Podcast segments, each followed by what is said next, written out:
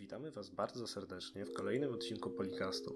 Tym razem w naszym pierwotnym składzie, czyli Hanna, Margaret i Sebastian. Dzisiejszy odcinek poświęcimy Krzysztofowi Krawczykowi, którego utrata dotknęła chyba wszystkich pokoleń. Na początku ja, być może zbędnie, przedstawię szerzej osobę pana Krzysztofa i jego historię, potem Hanna opowie nam o powracaniu do lat wcześniejszych, a Margaret opowie o zjawiskach w dzisiejszej popkulturze odnoszących się właśnie do przyszłości. Zapraszamy do słuchania.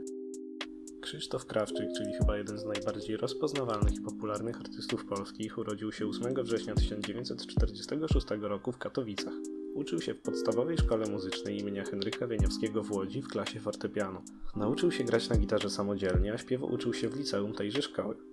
Po śmierci ojca utracił wiarę w Boga i został jedynym żywicielem rodziny. W 1963 wraz z Marianem Lichtmanem, Sławomirem Kowalewskim i Jerzym Krzemińskim założył zespół Trubadurzy, który obok czerwonych gitar był jednym z najpopularniejszych polskich zespołów big beatowych. Wraz z zespołem występował na wielu festiwalach, m.in. w Opolu, Sopocie czy Zielonej Górze oraz za granicą w NRD, Związku Radzieckim, Szwecji, Jugosławii, Bułgarii czy Mongolii. W 1973 rozpoczął karierę solową, nagrywając płytę Byłaś mi nadzieją, a rok później nawiązał współpracę z menedżerem Andrzejem Kosmalą, który pracował z nim aż do jego śmierci.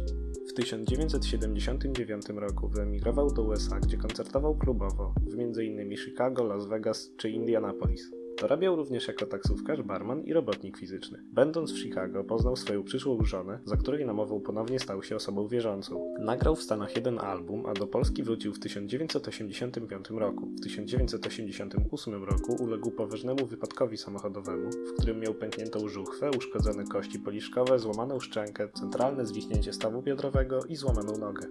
Już w 1989 roku zagrał pierwszy koncert po wypadku. Tym występem rozpoczął trasę po Polsce i świecie. W 1990 ponownie wyemigrował do USA, gdzie nagrał kolejną płytę, a na stałe powrócił już w 1995, poprzedzając swój powrót beneficem 30-lecie działalności w roku 1994. W 1997 odbył trasę koncertową w Niemczech, a jeszcze tego samego roku wręczył ówczesnemu papieżowi swoje płyty.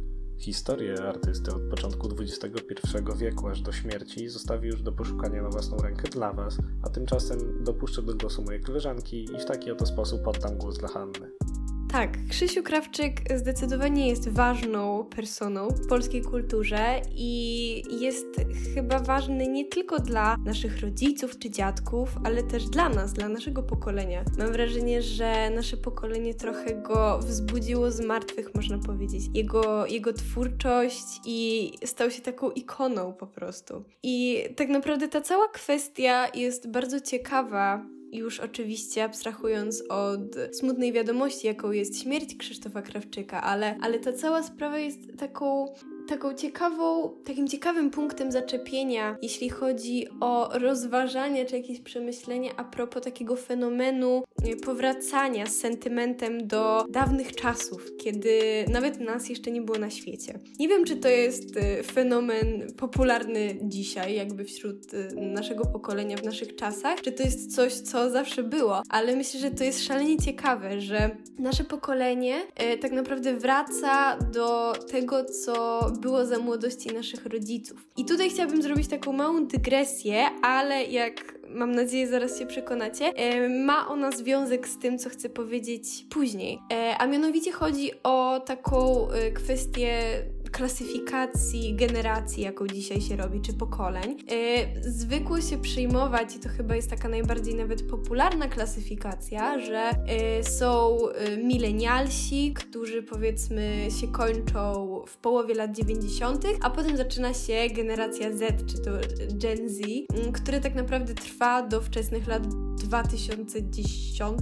Ojejku, nie wiem jak to odmienić. W każdym razie e, zawsze ja miałam z tym trochę problem, dlatego że nigdy się nie identyfikowałam e, z tym Gen Z, do którego teoretycznie jestem przyporządkowana jako osoba, która w tym roku kończy 21 lat. I wydaje mi się to dość absurdalne wręcz, że osoby, które są pod koniec lat 90. E, urodzone, są w tej samej generacji, co osoby, które dzisiaj mają około 10 lat. Jakby wydaje mi się, że to nie jest dość, adekwatne, ale y, w tym wszystkim y, wyłoniła się taka nowa koncepcja i chyba ona jest jak na razie tylko jakby na, w przestrzeni internetu i generalnie na jakichś tam forach dyskusyjnych. Nie wiem, czy weszło to już w dyskurs naukowy, ale pojawiło się takie pojęcie jak zillennials i to jest właśnie to, z czym jakby ja się identyfikuję. To określa osoby, które no powiedzmy w drugiej połowie lat 90. się urodziły do, nazwijmy to 2004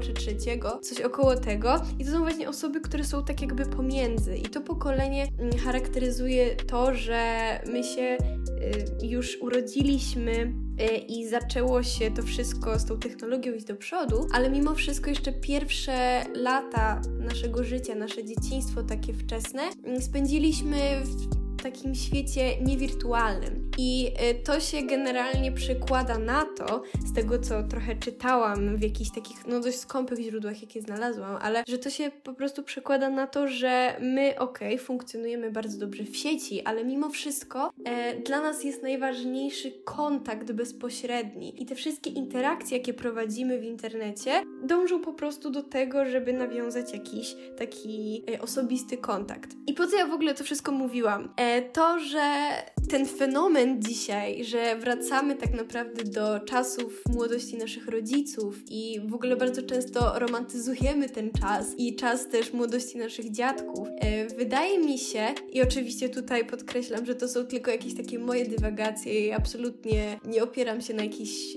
obiektywnych prawdach czy, czy naukowych jakichś researchach, ale e, wydaje mi się, że właśnie ten czas młodości naszych rodziców kojarzy nam się przede wszystkim z taką no, trochę sielankowością, ale przede wszystkim właśnie z bezpośrednim kontaktem, który oczywiście też dzisiaj w dobie pandemii zyskuje jeszcze bardziej wymowny i o wiele bardziej intensywny kontekst, ale chodzi o to, że czas naszych rodziców, czas młodości naszych rodziców najczęściej nam się kojarzył z ogniskami, tak, z graniem na gitarze i po prostu spotykaniem się. I myślę, że to jest właśnie dla nas bardzo ważne, bo dzisiaj, kiedy żyjemy no, bardzo wirtualnym świecie, zwłaszcza teraz, jak jest pandemia, to po prostu nam tego, myślę, brakuje. I właśnie te, te, te czasy, kiedy nasi rodzice byli młodzi, kiedy się spotykali, kiedy siedzieli dookoła ogniska i sobie śpiewali i ktoś tam pogrywał na gitarze, a poza tym nie mieli może aż tak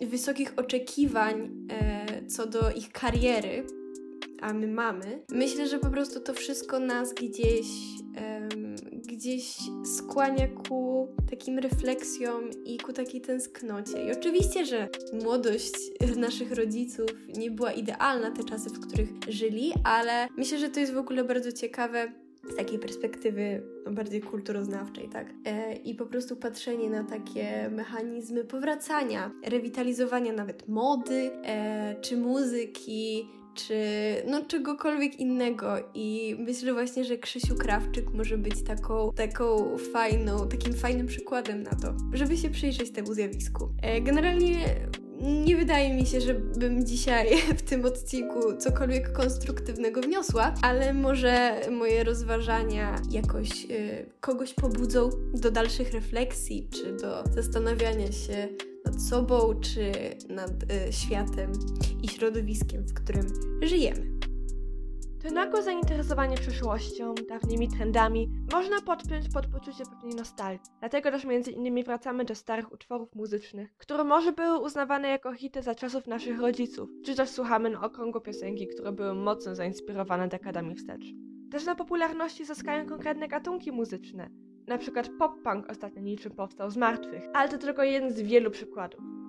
Kiedy przeciętny człowiek coraz więcej muzyki słucha, sam wchodzi w taką jakby spiralę, którego przeniesie do piosenki z 2002 roku. Też sposób, w jaki teledyski do utworu są stylizowane na przeszłość. To, co kiedyś było normą z powodu niezbyt zaawansowanej technologii, stało się estetyczne, wręcz mogłam powiedzieć pożądane.